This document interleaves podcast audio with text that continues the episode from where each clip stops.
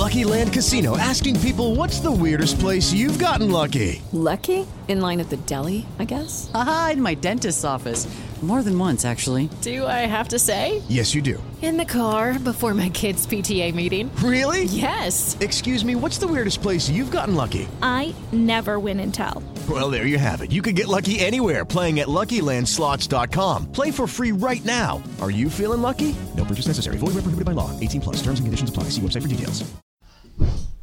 Vale, Mar, yo ya estoy. Ah, vale, pues voy a avisar a las chicas. Chicas, vamos a grabar, no paséis por la salita. Hola, Mar. Hola, Liu. I hola a totes.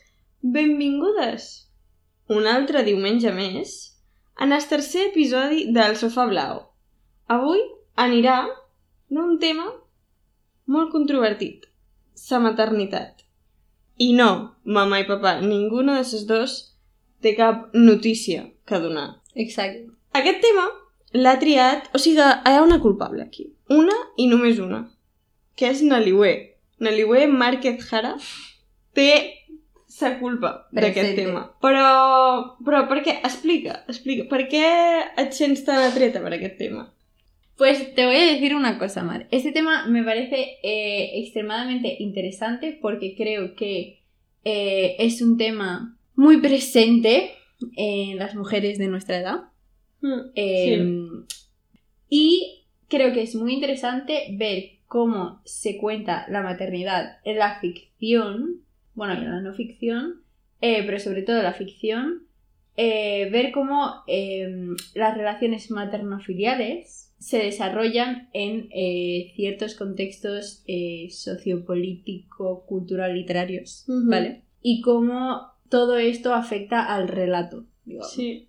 De hecho, o sea, hasta hace relativamente poco no había tanta. O sea, obviamente había historias madre, hija, padre, hijo, todo esto sí que se entreveía esta relación, pero no que atacasen directamente el tema y ahora ha salido bastante literatura de este tipo, ¿no? Pero sobre todo va de madre e hija, o madre con sus hijos, ¿no? Sí. No hay tanta literatura, por ejemplo, paternal. No. Entonces, yo, o sea, aquí tengo preguntas, tengo preguntas, sin respuesta, la verdad. Lánzalas. Tengo hipótesis, simplemente. Tengo hipótesis. La primera es, los escritores no, no se reproducen, los escritores hombres no, no se reproducen, no tienen hijos. La segunda es, se reproducen, pero son un padre ausente. Y la tercera es que sigue quizás sin haber tanta responsabilidad, ¿no? Como que no es un tema quizá tan importante para, Para ellos. para ellos, digamos. O sea, no que no les parezca importante la paternidad, pero que no, no lo quieran explorar tanto. No lo sé, es una... Hmm. Sí, creo, creo que sí. Simplemente Yo creo que es la, la algunos- primera, que no se reproduce. Han, de- los, han dejado de reproducirse los autores y por lo tanto de escribir y de concebir cualquier tipo de idea sobre hijos. Plan, lo han eliminado. Han dicho no more. Yo creo que la primera es la más... La más... Yo creo que sí, Sí. ¿eh? Sí, sí, Sí, sí, sí, tiene el mayor sentido. Ah. Y yo creo que tendríamos que empezar con un disclaimer. Sí, de hecho son dos disclaimers. El primero es que eh, las experiencias de las que vamos a hablar aquí son de mujeres cis, heterosexuales, dentro de un contexto muy específico. Entonces no queremos silenciar el discurso de nadie. Y em, tenemos otro disclaimer, el segundo, que de hecho es una cita de un libro, Exacto. de uno de los que vamos a hablar, que me lo estoy leyendo ahora mismo, no lo hemos acabado, es un poco de trampa, pero Es el Eh, único, los demás sí. los Los, demás sí. sí. ¿vale? Promesa. Se llama Madres, Padres y demás. Apuntes sobre mi familia real y literaria de Siri Hustvedt. Bueno, Lo perdona, muchísimo. Perdónanos. Siri. A ver, fue un- en nuestra defensa de que no está acabado, fue un libro de rebote. Sí, fue que de lo vimos y lo compramos. Exacto. Bueno, lo compró Liwe. Bueno. Vale, esta chica dice, eh, pone en su boca, en sus palabras y en su libro una cosa que, que- que pensamos nosotras. Entonces es mucho más fácil citarla a ella que lo dirá mejor. Exactamente. Vale. Que dice, mi experiencia con mi hija es personal, no pretende representar la maternidad universal. La maternidad se ha ahogado y se ahoga en tantas barbaridades sentimentales, con tantas reglas punitivas sobre cómo actuar y qué sentir, que sigue siendo una camisa de fuerza cultural incluso hoy.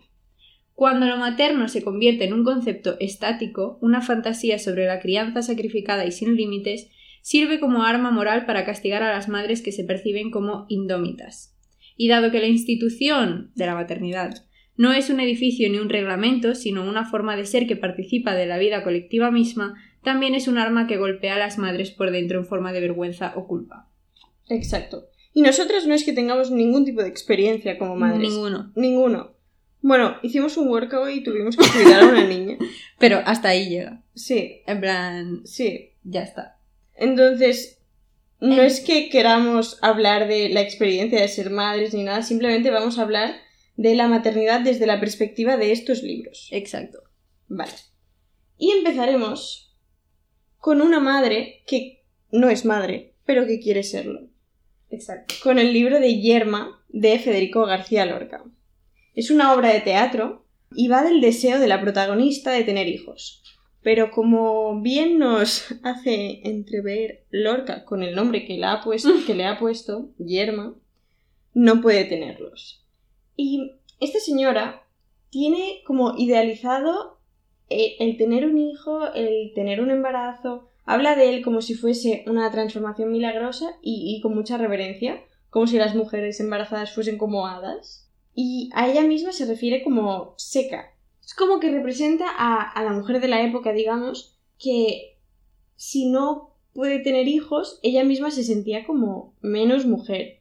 Y, y no es que las demás, los demás personajes de la, de la obra le digan, oh, no eres suficiente mujer, es que ella misma se lo dice, ella es la, es la peor consigo misma, ¿no? Creo que es interesante también eh, ver cómo está muy bien el hecho de que ella quiera ser madre y que se vea que eh, no es que quiera ser madre por ser mujer, que seguramente también, pero tiene como esta obsesión, digamos, Está con tener hijos. totalmente. Está completamente obsesionada. Y tiene... O sea, es muy corto. Entonces, como que no vamos a analizar mucho este libro porque al ser una obra de teatro, mm, los personajes son bastante unidimensionales. Entonces está Yerma, que no... que solo quiere tener hijos y, con, y no puede. Está su marido, que es tonto, simplemente. Y hay más gente. Pero recomiendo la lectura porque tiene un final muy inesperado. Muy inesperado que no vamos a revelar. No. Hoy no es día de spoilers. Muy bien dicho. Entonces, el segundo libro del que vamos a hablar es del que ya hemos mencionado la cita, el de Madres, Padres y demás. Es decir, el que no nos hemos leído aún, solo, solo un trozo. un trozo. Pero imagínate lo bueno que es que ya hemos sacado bastantes cosas. Eh, vale, pues este libro, si no lo he mencionado antes, es una recopilación de ensayos de la autora eh, a lo largo de varios años em, que tratan temas como la familia, la maternidad, la misoginia, las jerarquías de clase, sexo y raza. Vale. Y hay una idea muy, muy interesante que em, del que habla la autora cuando está hablando de, de cuando Rachel Kask em, publica A Life's Work, que no me acuerdo exactamente cómo se llama en castellano, eh, pero bueno, em, que básicamente em, dice que es ridículo pretender que en las relaciones entre padres e hijos no haya sentimientos ambivalentes, que es posible no dirigir amor y odio a la misma personita. A los padres se les permite tener celos de los bebés o lamentarse días antes de que llegue la paternidad. Que yo creo que es algo que es muy verdad. Sí, cuando dice padres, se, Se refiere a padres. padres hombres. Hombres. Claro, claro. Es como que es... yo creo que ahora mismo, si alguien, una mujer está embarazada y dice, ay, como que quizá revela que quizá no está tan emocionada, o cosa que el padre podría revelar, aunque sea con sus amigos, y quizá no estaría tan mal visto, estoy 100% segura que no estaría tan mal visto. Sí. No, no, 100%. Como que tienen... Al no llevarlo dentro, creo que tienen más libertad de no estar tan Emocionados. implicados emocionalmente. Exacto, ¿sabes? Y entonces después ella dice que una de las grandes ironías culturales es la idea de que la intimidad entre madre e hijo es automática, que está asegurada por la sangre o los genes, y que la madre se limita a seguir sus instintos naturales. Es irónico porque esta noción es ya de por sí una distorsión de la realidad humana. Cosa que es eh, también 100% verdad. O sea, muchas veces caemos, y yo muchas veces también eh, olvido que esto puede no ocurrir, pero se tiende a pensar que la madre y el hijo tienen una conexión desde el primer momento. Mm, Que puede ser y tiene sentido porque Sí. al final un hijo sale de ti, Claro, pero eh, no tienes por qué llevarte bien con él cuando claro. crezca, ¿sabes? En No, plan, no, no. Puede no existir el amor tradicional que se considera que debe haber entre madre e hijo. Sí, o sea, puede haber conexión o puede no haberla. Y. Porque es un desconocido. Es un desconocido. Es un desconocido que tú has llevado y después lo conoces. Después de este libro, medio libro que nos hemos leído, también nos hemos leído El año del pensamiento mágico de Joan Didion. Es, es un libro Tan feliz. triste. No, Tan triste. es triste. Es un libro que nos recomendamos si estás triste. Eso es verdad.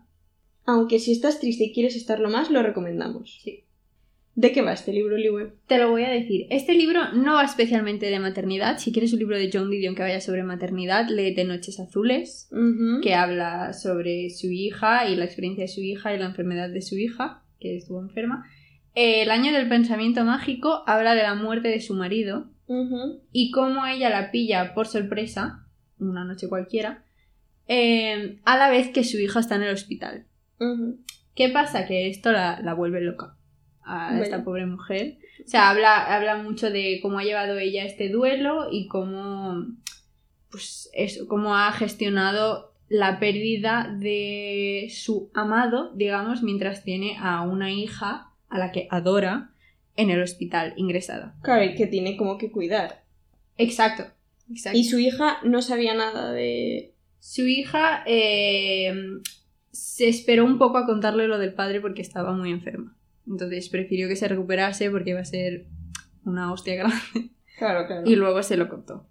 Y entonces hay una parte en la que John Didion eh, es como el principio de uno de los capítulos se centra un poco en, en cómo está la hija y en cómo avanza su enfermedad mientras ella está lidiando con el duelo. Y dice, aquella había sido la promesa fundamental, que no me marcharía, que cuidaría de ella, que no le iba a pasar nada. También se me ocurrió que era una promesa que no podía cumplir. Yo no podía cuidar de ella siempre, no podía no marcharme nunca. Ella ya no era una niña, era una adulta. En la vida pasan cosas que las madres no podemos impedir ni arreglar.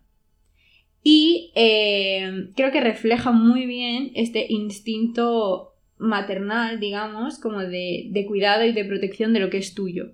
Sobre Mm. todo de algo que es tuyo y que ves en un momento tan frágil, ¿sabes? Y que Mm. quieres tanto. Esto se puede aplicar como a, a muchos otros ámbitos, no solo a madre e hija. Sí, pero también creo que son unas palabras como que quizá muchas madres se pueden... Bueno, madres y personas eh, se pueden sentir identificadas, ¿no? Porque a veces por mucho que quieras a una persona, no llegas a darle todo lo que querrías, ni, ¿sabes? Sí, Antes sí. de consumirte. Exacto. Antes de que se acabe tu vida, quiero decir. No, antes, o sea, que quizá te desvivirías como demasiado. En plan, que quizá te afectaría tu Mm. salud o... Sí, supongo que sí. Sí, creo que este tipo de promesas, entre comillas, es como muy común en amores muy intensos. Hmm, ¿Sabes? Que quieres prometerle a la otra persona que vas a estar siempre por ella, para ella, para ayudarla, para estar ahí de apoyo, sin pensar, porque es como Mm. algo irracional, yo creo que sale de una- manera más automática, sin pensar que ese tipo de relación se puede acabar algún día. Y esto realmente está relacionado con eh, el siguiente libro, que entramos en, en terreno, en terreno más conocido, porque es una autora que nos encanta. Maggie O. Maggie O, Maggie, Maggie O'Farrell. Sí, o sea, en esta casa, es decir, Lu y yo, Bueno, y Alba. Alba también se ha leído. Esto es uno- un altar de Maggie O'Farrell. Exacto, el pisito de la paz. Adora a Maggie O'Farrell. El pisito de Maggie O'Farrell. Exactamente. ¿Por qué la adoramos? A ver, yo voy a ser sincera, solo me he leído un libro suyo, pero no, no hace falta más. Yo creo que no. Porque ya la adorábamos desde el primer libro. Bueno, yo me quedé en el primero, pero, pero me voy a leer más, ¿vale? Y el primero que nos leímos y que me he vuelto a leer para este podcast es Hamlet. Quizá lo hayáis escuchado porque se hizo como famoso, ¿no? Como en 2020, 2021 se hizo bastante famoso. ¿Por qué? Porque es buenísimo, ¿vale? Es una obra maestra. Hmm. Va de la vida de Agnes, Agnes Hathaway, o sea, no dice el apellido en ningún momento, pero es Agnes barra Anne Hathaway, que no es la actriz. Princesa por No sorpresa. es princesa por sorpresa, ¿vale? Es la mujer de Shakespeare y va de, también de sus hijos. Shakespeare no sale mencionado, o sea, como Shakespeare sale como el marido, el hijo, el lo que sea, pero nunca sale por su nombre. Y la obra se llama Hamnet porque tenían un hijo que se llamaba Hamnet, tenían tres hijos y uno se llamaba Hamnet, y murió en causas misteriosas. No, Sí. o sea, en el libro se da como una explicación, pero en la realidad no, no se saben muy bien las causas. Se cree que fue de peste negra. Y a raíz de eso es muy posible, bueno, es seguro que se escribiese Hamlet. O sea, que Shakespeare escribiese Hamlet. Porque en esa época como que Hamlet y Hamlet, que nosotros ahora los vemos escritos distintos, pero que eran como intercambiables, digamos, eran como el mismo nombre. Vale, este es un libro que se merecería un podcast entero, así que no entraremos mucho en detalle, porque si no, bueno, estaremos hasta mañana. Y yo quería hablar más de... O sea, Agnes es una persona como, digamos, poco tradicional, ¿vale? Es más mayor que Shakespeare y en el principio de la obra mm, sale un fragmento que ahora leeré, pero que aparte de ser madre de sus hijos, también parece un poco madre de... tiene instintos maternales con, con su marido. Y no es que él se lo pida, ni que, ni, que lo necesite, o sea, sí que lo necesita. Ahora voy a leer un fragmento eh, del libro. Resulta que Shakespeare estaba un poco deprimido, ¿vale? Porque no tenía rumbo, no sabía qué hacer con su vida, porque era, era más joven que, que su mujer y todo. Ya habían tenido una hija, pero él estaba desorientado. Aún seguía viviendo la sombra de su padre. Bueno, mal. Entonces Agnes decidió poner, poner solución al asunto, ¿vale? Y dice así. Y ya ha llegado el momento. Agnes conjuga el verbo. Se va, se habrá ido, se va a ir. Ella ha preparado el terreno. Ella lo ha puesto todo en marcha, como si manejara unas marionetas escondidas detrás de un telón, como si tirara suavemente de los hilos de sus títeres de madera facilitándoles los movimientos, guiándolos hacia donde quieren ir. Le pidió a Bartolomeo que hablara con John. Después esperó a que John hablara con su marido. Nada de todo esto habría sucedido si no hubiera conseguido que Bartolomeo plantara la idea en la cabeza de John. Ella ha propiciado este momento, ella y nadie más. Y sin embargo, ahora ha llegado. Se da cuenta de que contradice totalmente sus propios deseos. Esto habla de que ella ha hecho que envíen a, su marido a Londres, que es donde después, pues, hará fortuna porque será escritor de obras de teatro, ¿no? Quería hablar de esto porque es como un sentimiento que yo creo que quizás está más en las madres o, o en las mujeres, no lo sé, de cuidar a los demás, de ver, de querer el bien individual de las otras personas antes de, de sus propios deseos, ¿no? Creo que es un instinto quizá más en las mujeres que se nos ha... Porque es más maternal. Sí, se nos ha como inculcado, digamos, socialmente, esto de este papel de cuidadoras. Hmm. Entonces creo que igual que se aplica con los hijos, lo hemos aprendido, digamos, a aplicar a todas nuestras relaciones. Claro, y yo no digo que si hubiese sido al revés, que hubiese sido Agnès, que hubiese estado deprimida, el marido no hubiese intentado hacer mm, lo máximo para que ella estuviese bien, ¿no? Pero quizá hubiese sido más un ¿quieres ir a Londres? ¿Sabes? Hmm. No un ya sé lo que quiere, voy a hacer que lo haga, aunque él te dijera que no. ¿sabes? Sí, sí, sí. sí. Más un, realmente quiere esto, yo no quiero que se vaya, pero, ¿sabes? Como de- desde otro punto de vista. De si quieres ir, te puedes ir. Claro, claro. Sería más así. Sí, desde, sí. Quizá si fuese al revés. Sí, no sé si me no se vería tanto como un sacrificio, digamos. ¿Sabes? Como voy a hacer que lo haga porque sé lo que quiere, sé qué es lo que quiere, Mm, aunque a mí me cueste la felicidad total, digamos. Claro. Creo que es algo más propio de las mujeres, o al menos lo veo. Sí, al menos estamos hablando del siglo XVI, ¿vale? Sí. De finales del siglo XVI. Y si alguien se tenía que ir, era normalmente el marido. No, ¿Sabes? La mujer se quedaba en casa. Después, también tenemos otro libro de Maggie O'Farrell, que es la primera mano que sostuvo la mía. Que también va de eh, maternidad. Como si os interesa el tema, Maggie O'Farrell Está loca. está obsesionada con este tema, o sea que me viene Mm. genial. Sí, sí, sí. O sea, Maggie O'Farrell. En Hamlet, vale, si no os interesa tanto este tema, leos Hamlet. Porque va de maternidad, pero no, de- no va de maternidad. Simplemente va de una familia. Desde la perspectiva de la madre. Pero no es tan de... No, no, Liwe. Liwe me está mirando. Me está mirando diciendo, es de maternidad. No lo Yo es. creo que depende de lo que tú consideres que es un libro de maternidad. Yo creo que un libro en el que se refleja una relación materno-filial de cualquier tipo Es ma- de maternidad. No es de maternidad, pero es lo que yo considero el libro sobre maternidad. O sea, es que Claro, incluye este pero tipo de no es el tema Pero ningún libro, ningún libro de los que estamos hablando es de maternidad. Claro. Bueno, Yerma, si. Yerma es el de más, sí, sí, sí. Porque si no tendría que ser uno de estos de cómo ser madre. 10 consejos para ser la mejor madre del mundo. Exacto, no hemos leído ninguno de estos. Aún. De momento no. De momento no. Eh, pues este libro, eh, que es extremadamente bueno, si queréis saberlo, es mi opinión, eh, cuenta dos historias paralelas que son, eh, una está ambientada en el 2014 y otra está ambientada en los años 50. Y las dos historias son de eh, dos parejas. Ambas mujeres acaban siendo madres, una empieza ya desde el principio ya acaba de tener al hijo y la otra acabará siendo madre.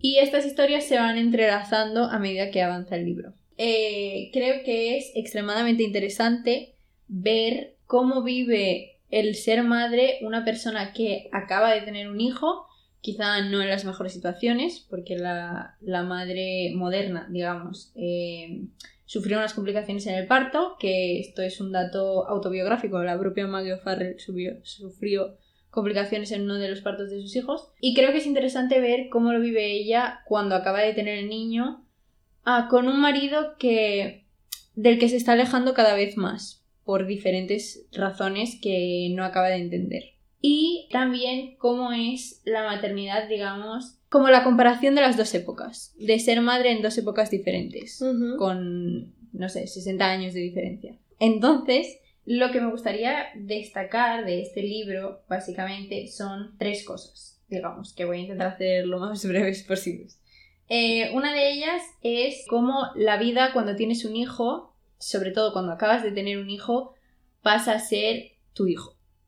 Y pasa a ser, pues, el centro de tu vida, porque es algo que requiere muchísima atención. Entonces hay una parte en la que ella se- está en la sala con el niño que está llorando y acaba de ponerlo a dormir. Se acaba de dormir después de un rato. Entonces ella dice, se dice que sí, que está dormido, sin la menor duda. Mira a un lado y al otro como el viajero que no ha visto su casa en mucho tiempo. Se marea al pensar en la cantidad de posibilidades que se le abren ahora. Podría ponerse a leer, a llamar por teléfono a una amiga, a mandar un correo electrónico, a escribir una carta. Podría hacer cualquier cosa.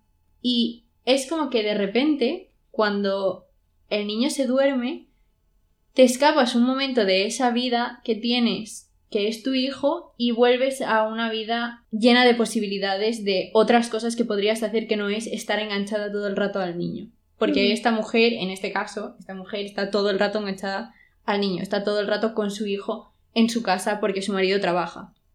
Paralelamente a esto que ocurre, eh, Lexi, que es la mujer de los años 50, está viviendo la maternidad de otra manera porque está teniendo un hijo con un hombre al que no quiere y ella es eh, periodista, crítica de arte, Mm. crítica, digamos. Y entonces escribe o empieza a escribir en una parte un artículo que se llama La mujer en la que nos transformamos cuando tenemos hijos, que básicamente, eh, entre otras muchísimas cosas, porque es un poco larga y no la voy a leer toda, pon, dice que el corazón empieza a vivir fuera de nuestro cuerpo, ellos respiran, comen, gatean y, ala, andan, empiezan a hablar con nosotras. Nos acostumbramos a vivir con un amor que nos inunda, nos ahoga, nos ciega, nos controla. Aprendemos a mirarnos en el espejo. Confinamos al fondo del armario la ropa solo lavado en seco, al final la tiramos. Nos adiestramos para no decir mierda ni maldita sea y aprendemos a decir vaya por Dios y ay Dios santo. Aprendemos a hacer bajar la, fiebre, a calmar la tos, los cuatro síntomas de la meningitis, que a veces hay que pasarse dos horas dándole al columpio. Miramos a las mujeres más jóvenes que pasan por la calle fumando, maquilladas, con vestidos ceñidos y bolsitos pequeños, con el pelo suave y limpio, y miramos a otra parte. Bajamos la cabeza, seguimos adelante con el cochecito cuesta arriba. Y creo que es una idea de maternidad un poco de los años 50, ¿no? Esto de, de que la madre... Bueno, o sea, no, es algo que, que ocurre, que tienes que aprender pues los síntomas pues, de la meningitis o lo que sea y estar pendiente, pero esto de relegarse solo al papel de madre sin poder llevar vestidos teñidos o ir maquillada es un poco... Sí, ¿No? o sea, entiendo que ahora hay una narrativa más inclusiva en esto, ¿no? O sea, es más una narrativa de puedes serlo todo, que a la vez tampoco es 100% positiva, porque más que puedes serlo todo es tienes que serlo todo. Sí. Es más un, ah, eres madre, tienes un hijo, pero también puedes estar guapa. O tienes que estar guapa. Sí. Porque si no, pues está mal. Sí, sí. O sea, creo que Entonces es, es de doble filo. sí, es como lo que dijiste el otro día que estábamos hablando de esto, que como que la manera de revolución ahora es todo lo contrario a lo que era antes, ¿sabes? Como rechazar de ahora en vez de solo puedes ser madre, ahora eres, eres madre y eres todo lo demás, ¿sabes? Sí. En vez de ser madre y tener una carrera, es eh, eres madre y tienes una carrera y tienes éxito, ¿sabes? Como Claro. que ahora ya es como forzarlo todo. En Sí, vez sí, de validar todos los tipos de maternidad que existen, digamos, ahora es todo mucho más revolucionario, mucho más... Ah, pero si eres solo madre, eres tan Es feminista. más superheroína. Sí, todo. claro. Aunque ahora se está intentando quitar esta narrativa de girl boss. Sí, sí. No queremos ser sir, Sir. sir. No queremos ser girl bosses. Exacto. No, no queremos ser girl bosses aquí. Porque yo creo, personalmente, no hablo, no hablo por, por experiencia, pero yo creo que cuando tienes un hijo estás cansado. Estoy 100% segura. Y si algún día te apetece ponerte un vestido ceñido, está genial, que nadie te mire mal. Exacto. Pero estoy, yo no sé, ¿eh? pero estoy bastante segura que no te apetece todos los días. No, estoy, estoy 100% segura. Ya, sin ser madre, no me apetece todos los días. Claro, o ponerte tacones. Exacto. O sea, qué horror, ¿eh? Ya. Pasear, correr detrás del niño con tacones. favor. No, esto no es, no es factible. No es factible. No es claro. factible, nada de girl boss. No. mm, mm. Y ya vamos al último libro, que es solo una cita. Una cita muy bonita que Liwe nos va a leer con su maravillosa voz. Una cita. ¿De qué libro? ¿De qué libro? Eh, una cita de un libro de poesía Wow. que se llama Desde las gradas, que es de Juan P. Sánchez López, que tiene un poema que me puso especialmente triste, pero no cogeré las partes tristes, No. que también habla como de la enfermedad, por alguna razón también leo bastante sobre esto, no qué. Mira, Liwe, si tienes, necesitas Pero- ayuda, solo tienes que decirlo. No, no lo necesito. Ah, vale. Pero hay unos versos muy bonitos que dicen lo siguiente. ¿Y todo esto a dónde va, mamá? Ella te dice que se pierde, que todo esto se pierde, pero que no pasa nada. Con mamá nunca pasa nada. Y creo que es una idea muy bonita para acabar de ver las madres como un refugio, que es... Personalmente, mi madre es mi refugio. Oh, O sea, quiero decir, es, es lo que hace todo el mundo cuando tiene un problema, ir a sus acude a sí. sus padres. Sí, Algunos más a sus padres y otros más a sus madres. En general a sus progenitores. exacto. Pero como estamos hablando de madres, pues yo diré que está bien simplemente decir que está muy bien, es muy guay tener un sitio al que volver. Sí, como la familia, ¿no? Como Exacto. un sitio donde no te van a juzgar, Exacto. ya, si ya te Ya te que han juzgar, visto, ya te han ya juzgado. te han juzgado. O sea, ya. En plan, Y sabes que si me juzgas, mamá, desde aquí me has criado tú. Eso era. bueno, una oyente menos. tu propia madre.